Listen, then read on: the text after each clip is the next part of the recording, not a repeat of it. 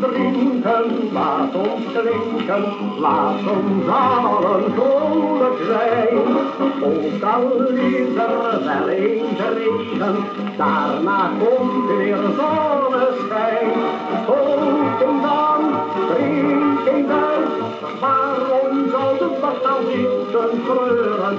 Waarom zou de bestaan zitten treuren? Denk maar over honderd jaar, zijn we niet meer bij elkaar.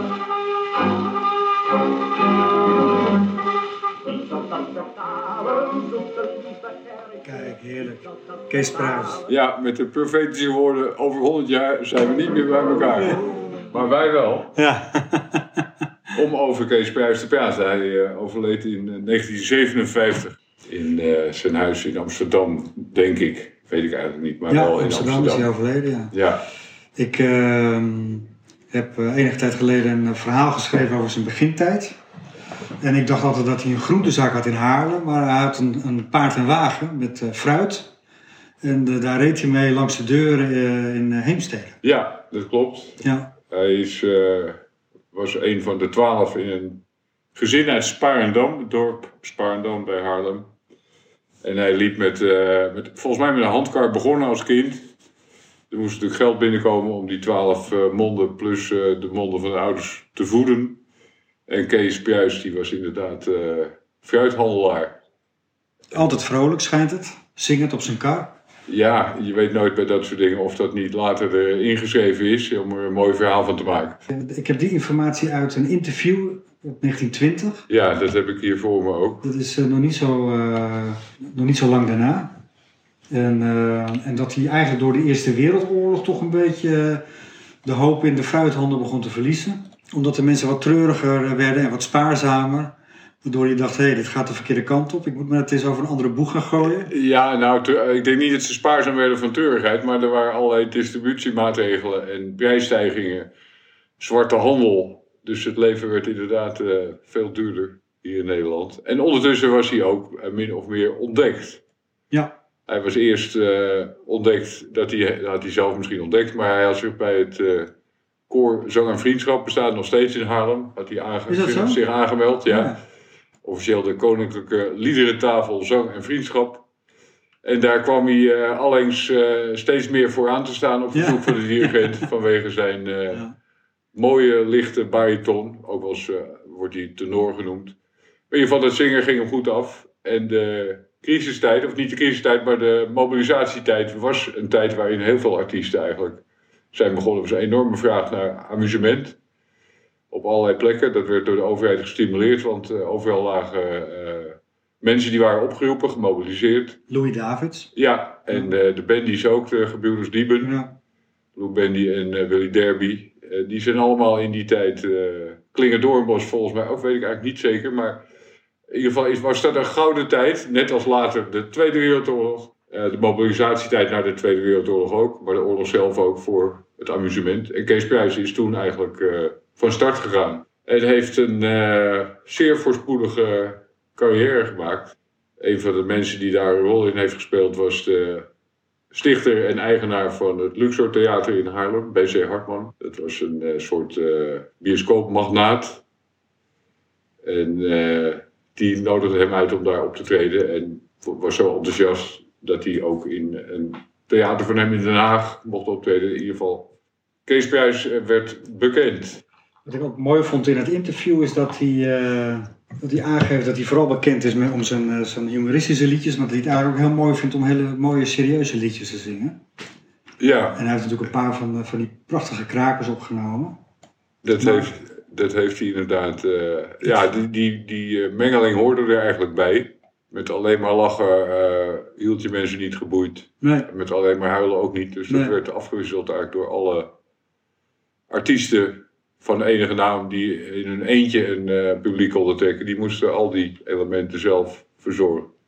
maar toch als je eh, dat interview leest en het, hij herhaalt dat ook in latere interviews, hoor je toch wel een beetje nou, dat hij daar toch wel een beetje narrelig van is. Dat hij toch wordt gezien als een, als een komisch. Ja, Als, als, als een komiek, als een grappenmaker, Ja.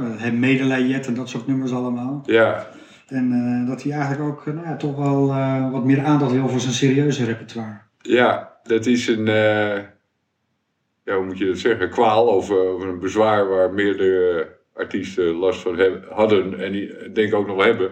Lou Ben die, profileerde zich als kunstkenner en kunstverzamelaar.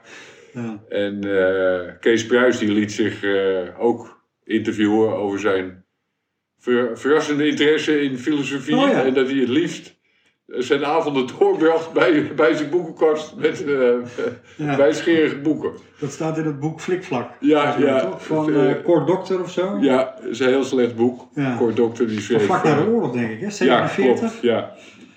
Die schreef voor Huis en Huisbladen en dat was zo'n... eh, ja, zo heigend als Henk van der Meijden in het begin ook was. Ja. Die, die zag je echt gewoon bijna letterlijk kwijlen. Als je, Adorerend. als je Sjoukje Dijkstra voor zich Ja. had. Dat is, Maar volgens mij staat er ook een foto in van Kees Pruis bij zijn boekenkast. ja, ik kom, als ik me goed herinner. dat heb je weer goed. Ik ben weer betrapt. Dat heb ik natuurlijk niet van mezelf. Ik heb het inderdaad in dat boek gezien. En er staat hij met een eh, boek in zijn hand en das om en een mooi pak aan.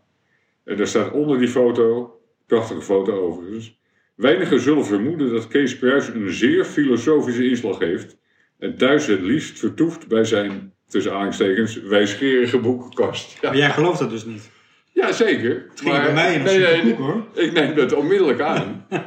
Eh, ik hou daarvan. Hij was Ja. ook eh, bijvoorbeeld heel erg geïnteresseerd in wielrennen. En wielrenners had hij kennis. Hij, hij heeft Ja? zelf ook gewielrend en geworsteld, heb ik begrepen.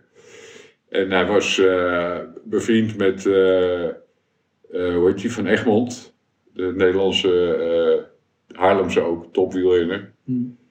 En met Piet, Piet Moeskops, die kennen die ook. Het was, Ah, ja. ja, dus het was ja, een soort Ja. Homo universalis zou je... Dat wilde hij natuurlijk benadrukken. Maar hij moest het natuurlijk hebben van gewoon optreden in het land. En daar was hij dan, kon hij ook niet kieskeurig in zijn. Want als je ervan wil leven, dan moet je eh, ook op personeelsavonden Ja. aantreden. Of bij het ju- eh, tienjarig jubileum van eh, visvereniging Het Karpertje. Waar Ja. hij inderdaad optrad na de oorlog. Ja. Ik denk dat heel veel artiesten van u dat zullen herkennen. Nou, voor de oorlog heeft hij ook wel in grote revues gestaan en in de grote theaters. Ja, zeker. Onze Kees Pruis. En hij heeft natuurlijk eh, eh, heeft enorm mee kunnen liften want, eh, met de, de, de groeiende platenindustrie. Ja, het En, is ja, verbazingwekkend als je zoiets tegenkomt. En ook hoe vroeg hij er al bij was. Op Homokort, later op Decca.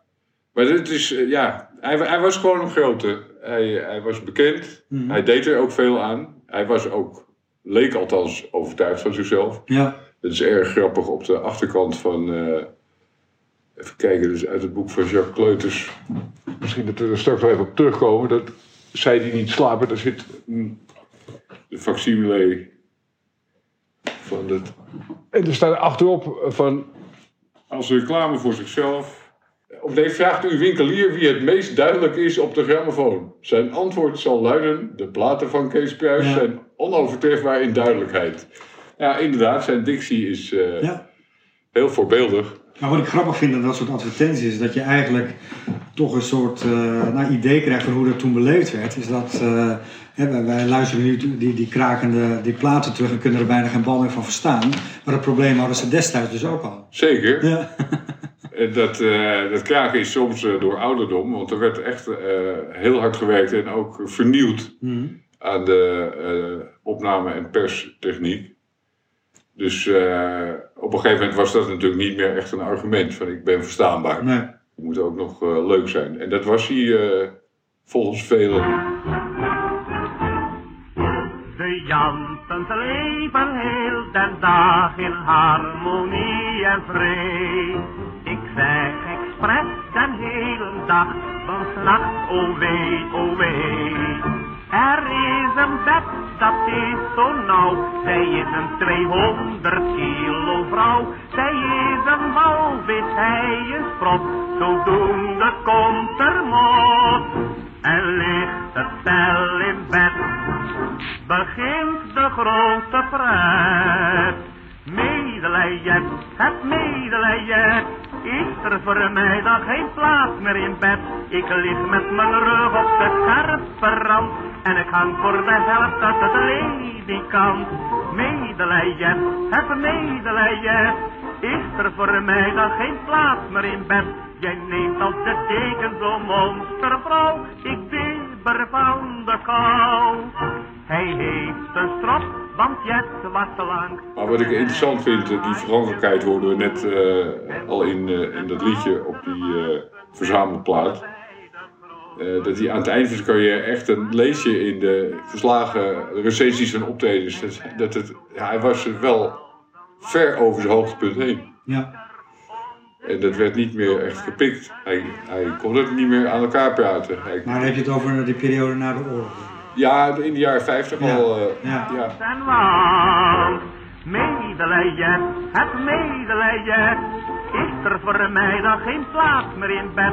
Ik lig met mijn rug op de scherpe rand. En ik hang voor de helft uit het ledikant.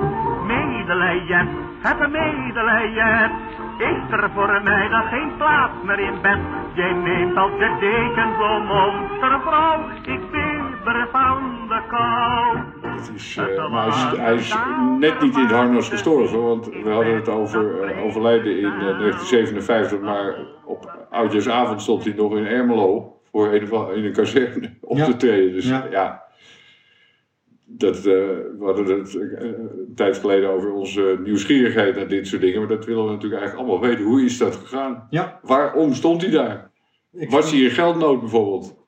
Nou, wat, wat mij eh, toch wel verbaast is als je eh, in oude kranten gaat kijken, eh, zie je rond zijn overlijden toch eh, nou, niet echt heel veel persaandacht. Gewoon een paar kleine berichtjes. Er is één necrologie van Meijer Hamel, geloof ik. Nou, ik heb eentje uit de waarheid ook gevonden. Ja.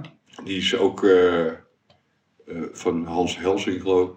Dat is ook, ja, dat is, die is ook welwillend. Want hij was natuurlijk links. Hij was niet zo links dat hij echt onder de waarheid viel, zeg Ja. maar. Maar hij was wel iemand die eh, socialistisch eh, in zijn repertoire, wat hij schreef, ook wel eh, socialistisch sympathisant was, zeg maar. Hij trad veel op voor VARA-leden, concerten en zo, op Ja. dat soort concerten. Dus die waarheid, dat was inderdaad ook nog, nou ja, gematigd positief. Zo positief als het nog kon zijn. Ja. Want het, het, het, het Ja. schemert er wel doorheen. Dat. Het was een trieste bedoeling aan het eind. Maar ja, dat zijn veel eindes natuurlijk. Daar, Treurig. Hey, eh, ehm, hoeveel plaat heb jij van Kees Pruis? Nou, ik heb, ik heb het nu pas geteld.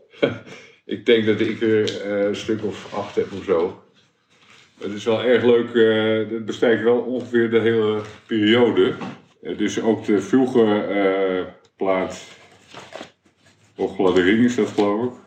En Lach Clown Lach. Vroege homokoorts. Oh ja. Misschien is het leuk om die eens even te luisteren. Ja, dat is. eh, En wat ik leuk vind, we hadden het eh, eh, over opnemen in. of hadden we het er niet over, maar in ieder geval in Engeland. Er stond ergens in een of ander krantartikel, ook bij zo'n terugblik bij zijn dood. Dat hij naar Londen was gegaan. Hij had er een paar keer opgetreden. En men was zo enthousiast dat er 22 plaatsen waren opgenomen. Dat is echt. Heerlijk. Ik wat wat is dat voor journalist Ja. geweest? dat is alsof je dat niet tegen betaling gaat Precies, opnemen. ja, ja. Het is echt, Dat je ervoor gevraagd wordt dat het een eer is. ja, nee, dus het maakt ook niet uit dat in het Nederlands was. In Londen hebben ze gewoon 22 platen van hem opgenomen. Steengoed vind ik dat.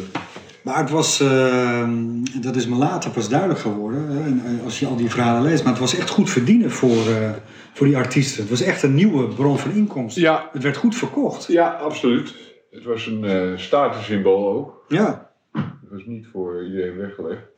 We doen even oogladdering. Zeg maar even, het zal wel Ja, over iets van het huwelijk gaan. statussymbool, maar toch wel dat er, dat er best wel veel platen verkocht werden, kennelijk. Want hij Ja. daar, zoals hij zelf aangeeft, toch eh, aardig wat aan, eh, aan overgehouden. Ja, Wil je erop? hij wil er zeker op, maar Ja. hij moet even opwarmen, want dit is een buizenversterker.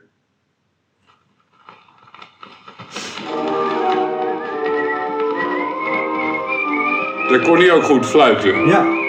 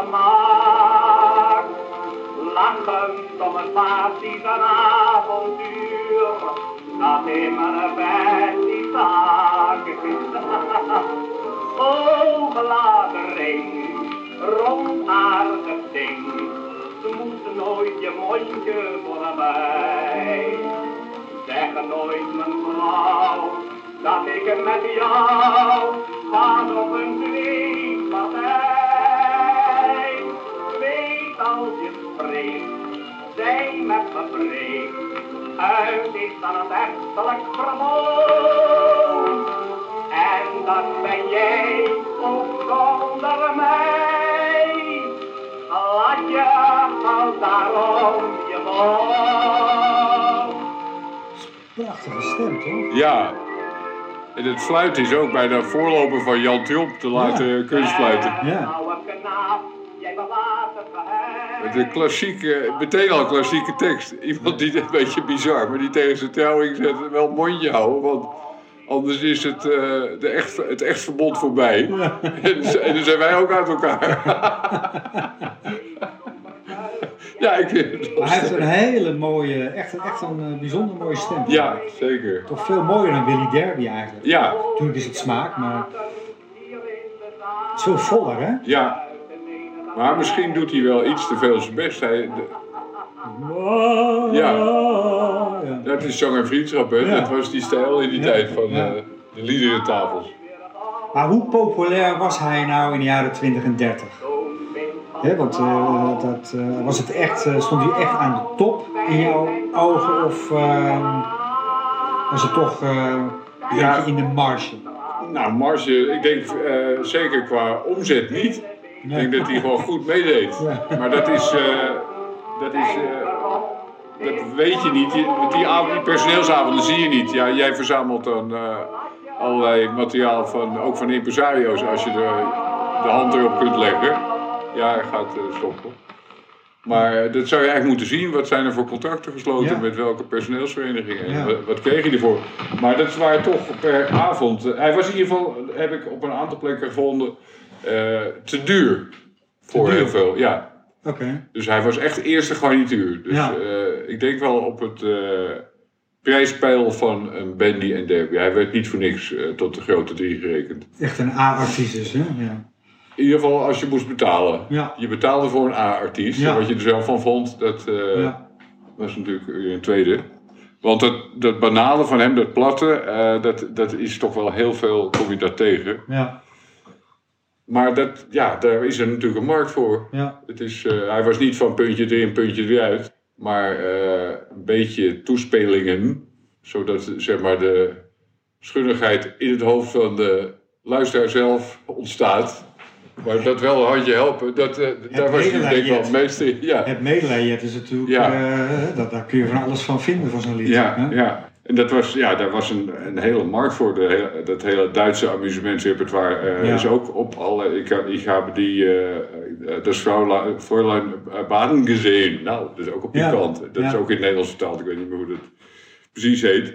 Maar daar was een markt voor. En er is een enorme markt voor. Ja. Ik ben er ook wel voor in. Zeker. Ja, voor een Dit toespeling. dit soort eh, liedjes maken ze bijna niet meer hoor. Waar het, toch hele vernuftige liedjes zaten er wel tussen. Zeker. Ja, Maar dat liedje bijvoorbeeld waar Jentel en de Boer nu voor bekroond zijn met de Annie M. G. Ja. Smitprijs, dat is ook erg vernuftig. En er zit eigenlijk ook wel een soort gniffel Nee, element in. Ja.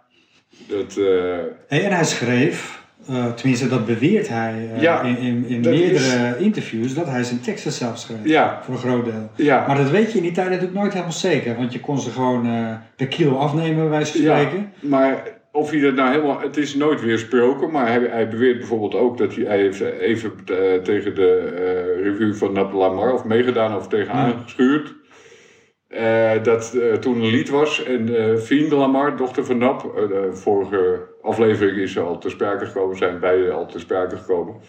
Die kwam niet uit een tekst. Dat kreeg ze er niet uit. Toen heeft Kees dat ter plekke verbouwd. Ge- Geef mij even- laat me even alleen, zei hij. Naar eigen zeggen. Ja, En toen heeft hij die tekst dus passend gemaakt. dat was een tekst van Margie Morris. Oké, Die had zij vanuit Indië per brief gestuurd naar Nab de Lawar.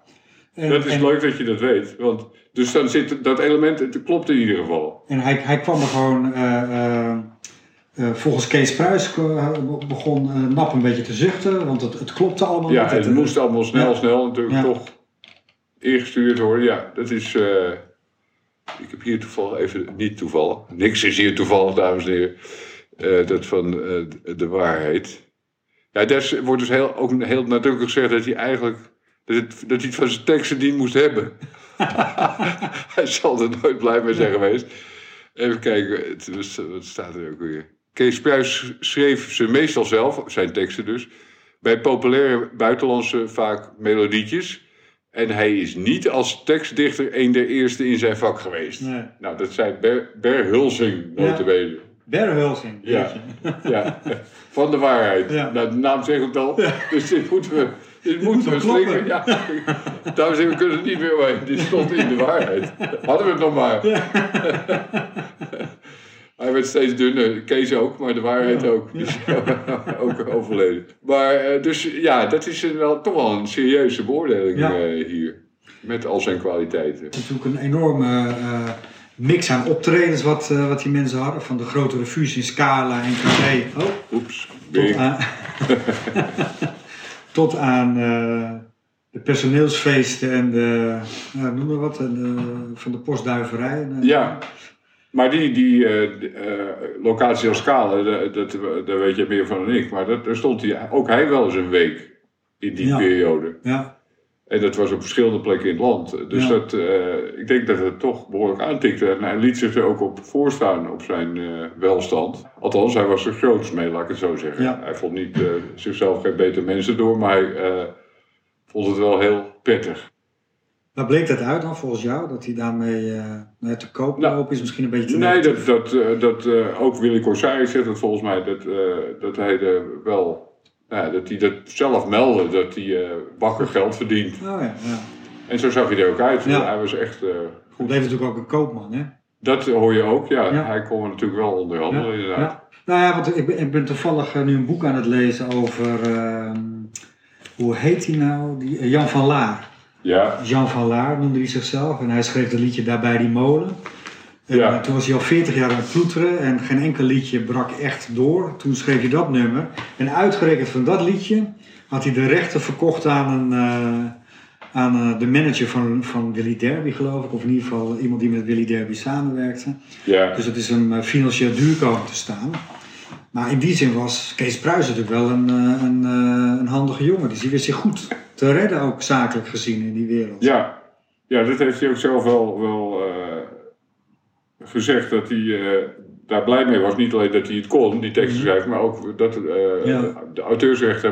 Ja, een gestage stroom opleverde. Ik, vond, ik vind het opmerkelijk om dat te lezen, dat het Ja. toen al geregeld was. Als je leest hoe rommeltje er nu af en toe van gemaakt wordt door Ja. ja. Buma ja. Sorry, we hebben keurig betaald hoor. De radio. Dat is, dat is me niet zo bekend of hij nou ook echt een. eh, dat moet haast wel. Hij was wel, radioartiest was. hij was meer- een beetje gelieerd aan de VARA. Dus Ja. hij deed, eh, hij werkte mee aan de Sterrenparade. Dat Oh ja. was dan zo'n, eh, dat trok door het land. Een soort bonte dinsdagavondtrein van de VARA. Ja, en die, en, maar die hadden ook een, een soort eh, reizend eh, evenement. Om Ja. afdelingen, eh, mensen uit afdelingen de kans te geven om die sterren ook te zien. En daar, zat, daar was Kees Pruis eh, veel bij betrokken. Ga je draaien? Ga je Ja, ik draaien? kan moeilijk kiezen. Dat is zelfs uit zo weinig platen vind ik het moeilijk kiezen. Maar wat ik zelf eh, een heel fascinerend eh, nummer vind, is eh, ook een heel mooi nummer. Het is van oorsprong Engels. Het heet Lach, Clown, Lach. In het Engels heet het Laugh, Clown, Laugh. Hmm. Ik heb de partituur daarvan niet terug kunnen vinden hier. Maar ik heb hem wel. Het is een schitterende partituur. Maar ik heb wel een tekstvelletje. dat was ook een onmisbaar element eigenlijk in die tijd Ja, eh, van platen luisteren. Om ondanks die briljante verstaanbaarheid toch eh, mee te kunnen doen. ja, Dus Homekort en andere maatschappijen gaven zelf op een soort dun drukpapier gaven ze tekstvelletjes uit. Dus je kan even meelezen als je dat zou willen. Met Lach, Lach. Het leven is spel en iedereen speelt. Comedie van iedere dag. De dromers en minnaars zijn altijd bedroefd. De clown heeft de zorg voor de lach. En hem wie de rol van de clown is bedeeld, zorgt dat hij tot het levens eind speelt. Nou,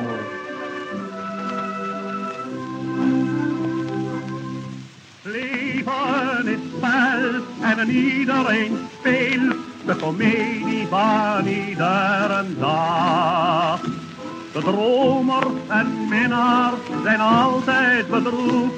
De clown heeft de zorg voor de lach.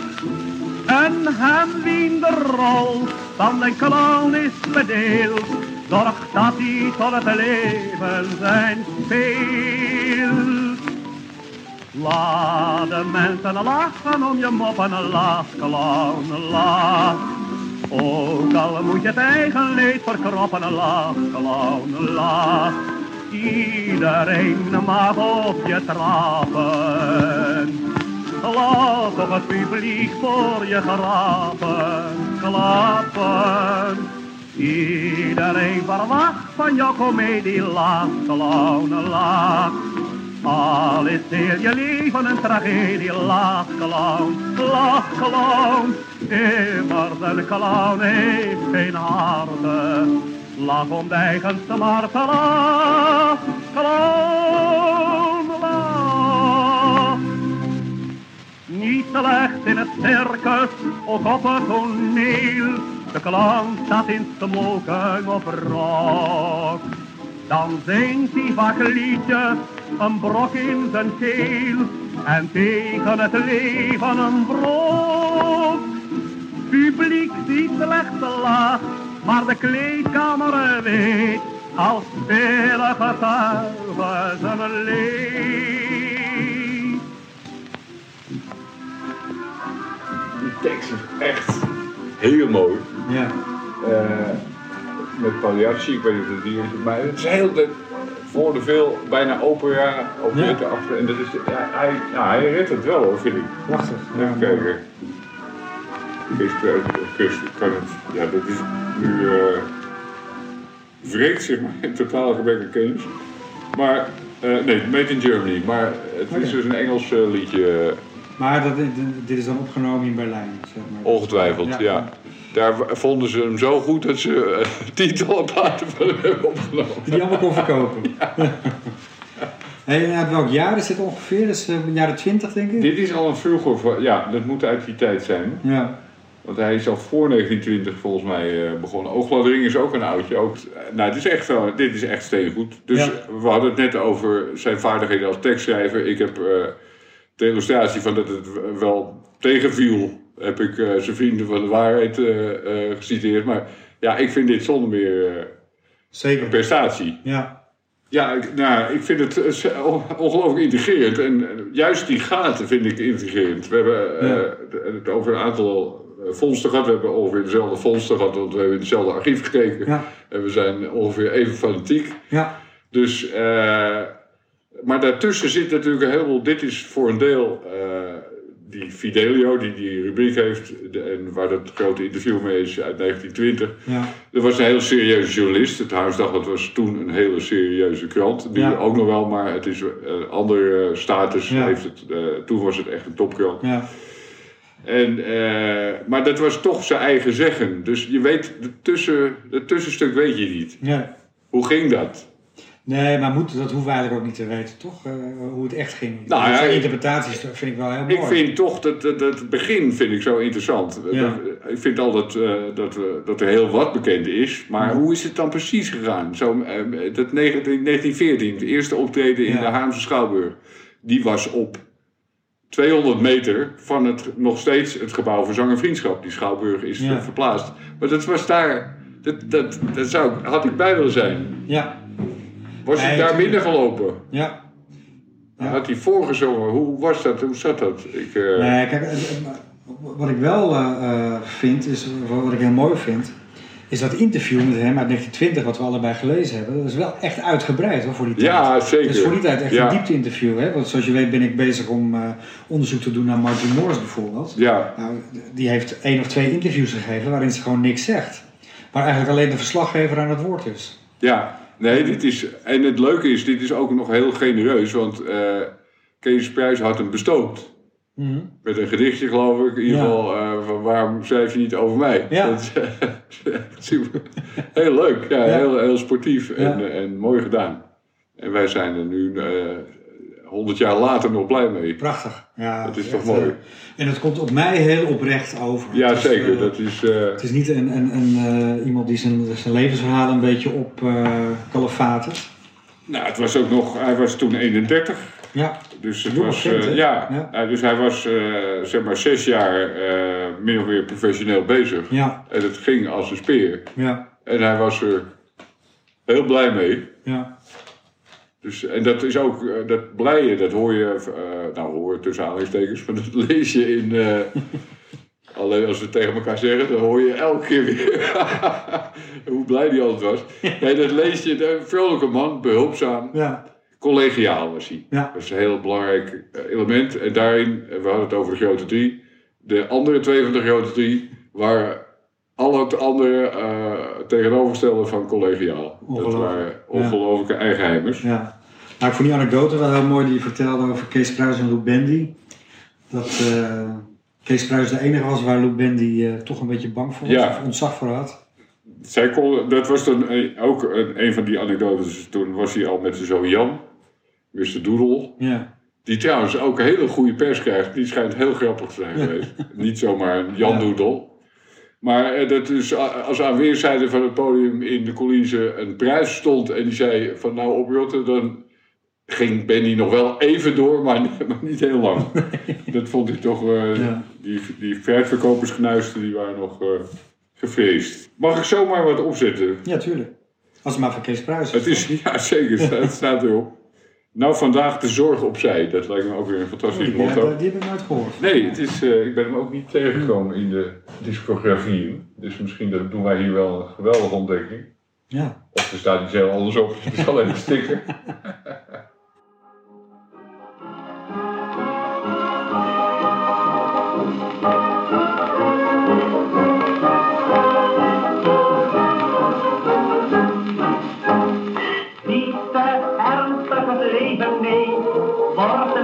Tijd nog duur.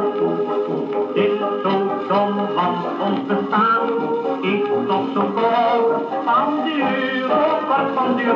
Leven is zo volmaakt nog niet, is maar wat je ervan maakt.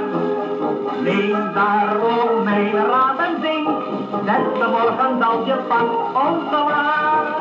Nou vandaag de zorg opzij, dan lacht het leven blij. Nou geen getreur en geen gezeur, nou breek ik met de oude sleur. Nou vandaag de zorg opzij, dan lacht het leven blij. Leven is mooi, het leven is rijk, en de optimist die heeft gelijk. Mooi hoe die die uithalen doet, hè. dat blijft toch wel... Zing is goed, maar dit is wel een illustratie van een matige tekst. Ja, Het leven is van korte duur. Korte duur! Dus dat doet hij zelf al. Maar dat, dit is wel zo'n ding, daar kun je bijna van, van eh, achter, achteruit voorspellen, zeg maar, dat dat een succes was toen. ja, En dat eh, in een aantal van die recensies Ja. of verslagen lees je dat ook. Dat, dat, hij werd volop meegezongen. Hij kreeg meteen, waar Benny mee. ook goed in Ja. was, meteen de zaal in beweging. Ja. En ze zongen de echte prijsrefreinen, heb ik ook gelezen. Ja. Dus mensen kenden echt, hij was, nou ja, ja. leidt al geen twijfel. Als je dit overleeft, ben je al populair. Nou heb ik toch ook wel weer interviews gelezen waarin hij klaagt dat, eh, dat de Nederlanders moeilijk aan het, eh, dat je die moeilijk aan het zingen krijgt, het Nederlandse publiek. Ja. Dat is toch, eh, nou ja, Nou, dat was, heb ik ook zo eh, iets gelezen. Ja, het wordt eh, saai, we kunnen even onze kant thuis blijven. Want nee, het is leuk om zo eh, heen en weer te kaatsen. Maar dat hij, van Engeland vond hij het heel briljant dat mensen daar vrijwel meteen gaan meezingen en het helemaal overnemen. Ja, Maar dat, ja, ik vind dat zelf als onderdeel van het publiek ongelooflijk irritant. want je wil de artiest Ik wil het horen. Ja, Dus eh, dat is ja, Ja. een ego-dingetje misschien. ja, ja. Of misschien Ja, daar klaagt hij wel over. Dat vindt hij, eh, die artiesten noemt hij ook lui, want die maken van die hele makkelijke refreinen, zodat ze zelf niet hoeven te zingen. Het publiek zingt het dan voor ze. en Ja, dan, eh, maar dat was eigenlijk zijn droom. Precies, Dus ja, dat is. hij had liever op de moderne manier. hoe gaat dat ook weer? Ja. Meteen handen boven je hoofd. En Ja, dan, ja, ja, ja, ja. Dan komt de oorlog, 1940. En dan, Ja, eh, heeft hij flink doorgewerkt in de ja. oorlog. Echt Ja. heel veel. Ja, dus hij was lid van de cultuurkamer, de hele mikmak. Hij, was, eh, hij heeft tot in de zomer van 1944 heeft hij volop eh, opgetreden. Hij zat in, een, in een kleine revue. Ja. Hij heeft ook nog de, de opkomst van Toon Hermans meegemaakt in dat gezelschapje. Oh ja. Nou, die, heeft eh, die heeft bij hem gedebuteerd, toch? Ja, dat, zo, dat werd alweer gerelativeerd. Want Ah. eh, Toon Her, toen is het echt eh, spontaan vanuit de rece- recensenten dat Toon Hermans echt op eigen kracht zich een ontdekking was daar. Ja, In nummers die hij op eigen kracht deed. Zeg maar. oké. Maar wel in, een- in een show waar Ja, Chris Prijs op zeker, ja, ja. En toen was hij natuurlijk al, want we hadden het over eh, 1889 geboren, dus kwam 11 jaar bij, was hij al eh, halverwege de 50 naderde hij. Ja, En eh, ja, na de oorlog 46 meteen voluit ook. De, op tournee. maar dat was de gouden tijd hè, voor de artiest ook. Ja. Dat was het snabbelcircuit natuurlijk. Dat was een, een- ja, eigenlijk net zo'n gouden tijd als de oorlog. Want dat Ja. is eh, eh, wat onder andere Henk van Gelder heel eh, duidelijk beschrijft in, in de Snabbeltour. Dat voor, ook, ja. als je doorging, was de oorlog. Door de honger naar amusement was een, voor sommigen echt een, Ja. ja, dat zeggen ze dan anoniem, maar eh gouden tijd voor artiesten. En daar was Kees Prijs denk ik ook een, de een van eigenlijk. Zonder daar verder oordeel over te willen vellen. Maar dat ging eigenlijk best goed. En na de oorlog meteen voluit. eh Voor de soldaten. Ja. Ja, En eh, met zijn zoon, hè? met zijn zoon en met Jan Stella eh, samen. Ja. Waar die ook voor de oorlog al Ja. mee samenwerkte. En ik kwam een zeer intrigerend, eh, heel kort recensietje tegen. En er werd een lied, het, er was verder naar behoren eh, wat Kees Prijs deed. Maar Stella Semer die zong, en daar ben ik zeer benieuwd naar. Een door Kees Prijs geschreven lied. Waarin op wel heel goedkope wijze de concentratiekampen werden afgedaan. In 1946. Echt waar? Ja, Oh. dus daar zou ik dan wel eens, eh, daar zou ik wel eens zeer benieuwd naar deze uitglijder. echt, ja. Die staat niet op de CD van het Theaterinstituut. Nee, die staat nergens, denk ik. Dat is echt, dat, nee, maar dat is dan, ja, ik krijg er bijna warm van, want dat is Ja. natuurlijk wel, ja, wat zou dat geweest zijn? Als het op, als Dat het is ook een beetje een teken destijds. Hè? Ik bedoel, men ging pas in de jaren 60 een beetje beseffen wat het allemaal betekende. Dus eh, ik bedoel, niet, eh, ik wil niks eh, verder over dat lied zeggen. Nee, maar je vraagt je af wat daarin heeft gestaan. Ja, wat, wat er is recent tot deze... Hoe heet dit dat lied? Ja, dat staat er ook niet in. Oh. Dus dat, eh, dat... Je had natuurlijk geen speellijsten ook. Dat is Nee. dat mooie uh, vormpje verlanglijstje. Het speellijstje van, van Kees Pruis en Stella Semer. 1946. Hij heeft, Het is bijna Sinterklaas. hij heeft er niet lang, hij heeft er niet lang mee opgetreden. Nee. Maar, Het is ook niet dat ze in Engeland zeiden, maak er nog maar twintig. maar, eh, maar ja, dat, dat soort dingen... Dat vind ik zelf in het hele verhaal... Ik vind dit heel spectaculair. Het wijst naar iets heel geks. ja, een enorme uitgeleider of, of achterloosheid of arrogantie, weet ik, veel, wanhoop, euforie, je weet het niet, maar 46 is alweer een jaar na de bevrijding. Het is echt een jaar later eh, gebeurd. Eh, maar ook van, ja, de, de, de, en ook zijn optreden, doorgaan met optreden oorlog. Ja, de schoorsteen moet roken, is, klinkt ook alweer Ja. besmet in deze context, maar dat is wel zo. Eh, Ja. Er moet brood op het plan komen, bla bla bla. ja, het is... Dus eh, ja, dat is het, het artiestenbestaan. En dat is natuurlijk misschien ook wel wat iemand eh, op een gegeven moment de das omdoet. Dat het, dat het, datgene wat je gaat eh, van je hobby eh, je werk maken. Ik zeg altijd, ik, ik raad het altijd af, je bent je hobby kwijt. Ja. Dat is, wat is nou leuker dan een hobby? Ja.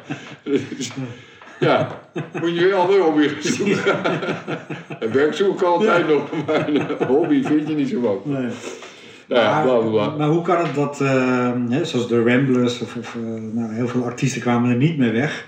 Een heleboel anderen kwamen er juist weer wel mee weg. Dat is een... dat is natuurlijk ook heel. eh, ja, dat, nou, daar kun je eindeloos. eh, eh, gaan we hier nu niet doen. Eindeloos over praten. Nee. Want we, eh, blijft wel die hebben ze als symbool gekozen. Ja. en zonder enige diepgravend onderzoek van wat heeft iemand nog meer gedaan. Ja. Of wel, of wat was de thuissituatie, weet ik veel. Ja, het was wel een rare tijd hoor, want ik heb toevallig laatst zat ik te bladeren in een jaargang, eh, nou, een soort vakblad voor, voor artiesten. Uit Ja. 1946, 45, 46, oh, dat twee of drie jaar. Die wil Ja, ik wel even zien. Maar ehm het is echt een, een soort van, eh, bijna een soort van heksenjacht, hè, dat er allerlei artiesten in het blad door de één artiest worden beschikbaar. voor Afrekeningen, ja. In het volgende nummer schrijft die andere een enorm stuk waarom hij geen collaborateur was, maar die ander wel, weet je wel. En Dat Ja, gaat dan over ja. en weer. Het was wel een, eh, het was wel een bijzondere tijd waar men wel heel erg naar elkaar wees ook. Nou ja, als, als je alleen al kijkt eh, eh, hoeveel mensen er opeens in het verzet hadden gezeten. Ja, Waarvan een deel dat ook inderdaad had gedaan, maar heel goed verborgen had weten. Ja. Maar een deel ook, ja. die had alleen maar een overal en de juiste share te pakken gekregen. Er zijn weinig artiesten die echt eh, gestopt zijn. Fien de Lamar is gestopt, weet ik. Ja, In de oorlog, die kon het echt niet. ja, of, ja, die, die, die, die, die wilde echt niet doorgaan. Ja, Nee. Die kon het zich ook makkelijk leiden, want de man was natuurlijk, eh, had een goede baan. Dus je moet het ook maar net kunnen natuurlijk. dat ook, ja, Principieel zijn. zeker. Ja. En, Zo eh, iemand als Kees Prijs gaat natuurlijk niet meer op de groentekar. Nou, Nee. 25 jaar eh, successen. nou ja, ik denk dat hij kon het zich waarschijnlijk niet permitteren, maar ja, ik, ik heb geen idee. Maar na de oorlog, eh, want eh, hoe heette dat duo nou wat hij met zijn zoon had? Jank en Doedel of zo? Ja, ja. Jank, Mr. Jank en Mr. Ja, Doedel? ja. Dat had ook behoorlijk succes, als ik de, die recensies mag geloven. was echt eh, grappig. Ze gingen bijvoorbeeld, eh, ze, ze verkleden zich en gingen dan op een zingende wereldreis. En kwamen onder andere in een negerwijk in New York. Oh, ja. Even dit om de tijdsbeeld te schetsen. Maar, eh, dat, ja, maar die, die, die zoon die, die werd echt als een. Die had de lach aan zijn kont. Ja. De prijs moest het gewoon maken. Ja. Benny was ook. Die had iets komisch. Lou Bendy. Ja, Olie Ben, ja. Die had iets komisch, kennelijk. Iets ondeugends. Iets eh, eh, een schelmenkop een beetje. Ik dacht, hij had, hij, had hij nog een zoon. Ja. Nooit van gehoord. Nee, die zijn toe veel? niet, niet boven, ondanks onze grondige research, zijn nog geen nieuwe prijzen boven water. Nee, maar dat, eh, ja, dat was eh, het vervolg. Ja, En dat heeft zich eigenlijk nog. eh, nou ja, dus hij, hij heeft nog, nog tien jaar heeft hij nog opgetreden na de oorlog. ja. Met afnemend, in ieder geval afnemende waardering in de, in de pers. Ja, nou ja, wat je zei, is op, op Oudejaarsdag eh 56, 57. Ja, hij, in eh, Ermelo gestaan. Ja, Nou, eh, niks tegen Ermelo, maar Nee. eh Oudjaarsdag, ja. daar zeg ik ook alles over. ik had ooit een hele mooie klus, of ik vond hem niet mooi op Oudjaarsdag, om In Ermelo. Nee, in, wel in, in een, iets militairs. Moest in, een- in een bunker gaan zitten, want het jaar 2000 probleem zou losbarsten. Oh ja. Maar ik had geen zin. Het was, het was in het kader van een paniekzaaicampagne van de overheid. Oh ja. Op, eh, dat heet dan bewustzijnsverhoging. Dus je hebt ook gesnabbeld. Ja, zeker. Ja, ik weet er alles van. Ja.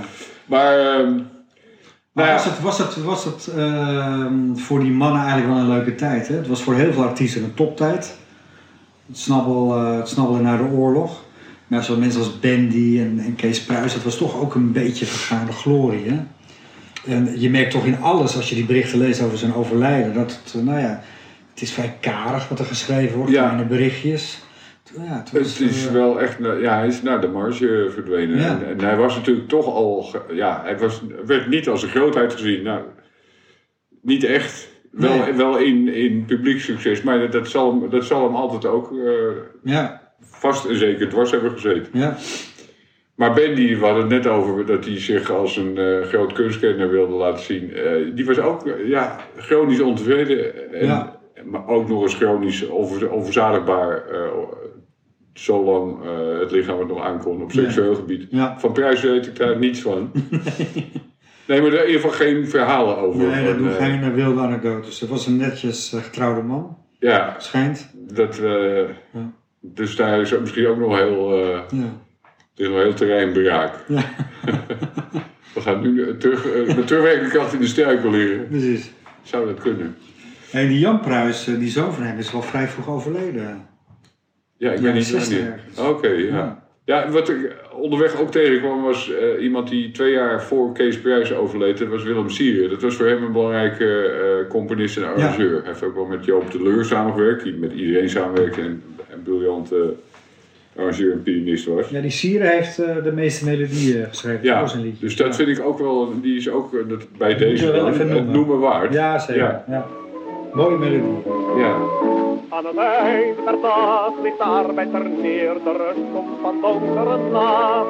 Het is overal stil en het mens om in rust vindt slapend hernieuwende kracht. Zelfs moeder natuur schijnt in sluimerende rust, wanneer ze het zonlicht niet aan. En toch slaapt niet alles, er zijn er nog veel, wier nacht is gemaakt tot een dag. Want zij die niet slapen liefdevol mens, verpleegster in ziekengezicht. En de moeder die biddend in tranen verstikt, aan het ziekbed van het kindje om wetenschap snikt. En ook hij, de werker der donkere mijn, die niet weet of hij er nog morgen zal zijn. Die afdaalt er honderd gevaren omringt, in donkere nachten glucose zingt. Het rijke gezin heeft de kreeftensalat verarmerd aan het kostelijk souper.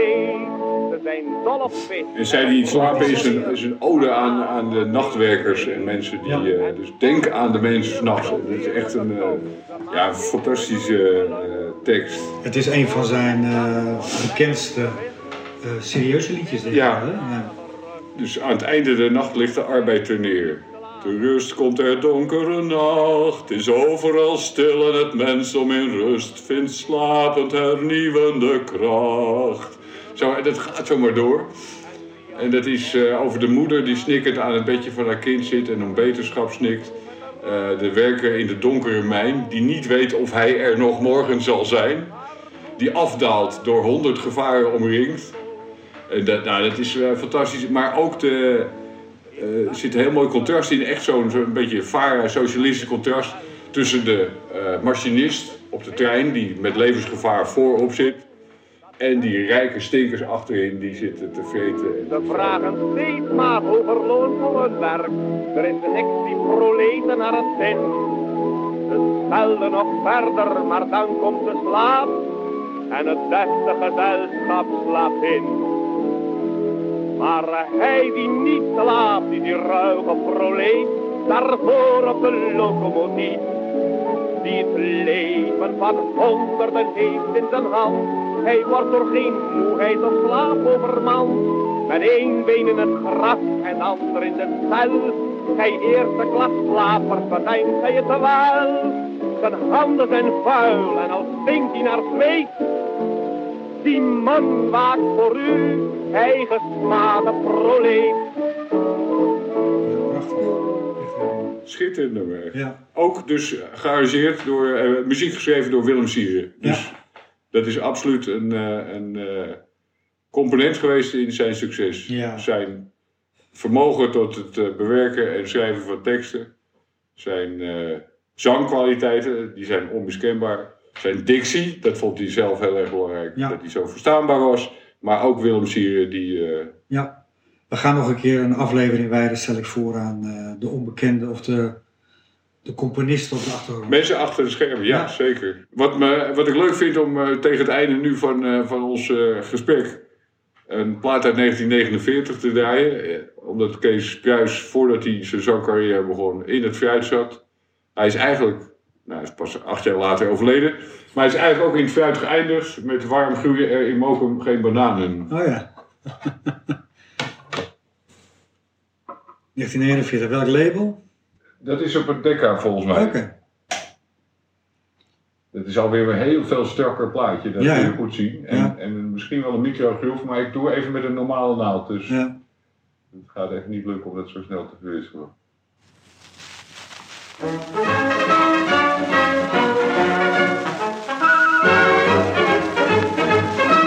Je enkele dagen vliegt, dan zit je in de tropenzon, opgesloten in de gordel van smaragd. Die zich slingert om de evenaar als een hoepel om een ton. Je geniet van al de grootste tropenpracht. En je slaakt van de verzuchting, wat zijn wij in Holland arm, vergeleken met het natuurschoon in de oost. En al denkend loop je voor je eigen fantasie een warm, en tenslotte wordt dan deze zucht geloosd. Waarom groeien er in Mokum geen bananen? Waarom zijn er op geen bavianen? Als er kokosnoten groeien op het Rembrandtplein, als er palmenzakjes ruiten zou het heerlijk zijn. Waarom zijn de vrouwen hier niet als in Bali? Waarom doen ze hier niet alles in de kali? Als er watervallen ruisten op het Leidseplein, zou het heerlijk zijn. Je hoeft de zon niet op te zoeken, want de zon zoekt jou wel op. En de kolenleverancier gaat op de fles. Ik zie me al lopen op de damrak met zo'n strohelm op mijn kop. Of bij Schiller zitten achter ajarijs. In mijn tuintje stond papaja, mangistan en rambutan. In de plaats van kroppen sla en rode biet.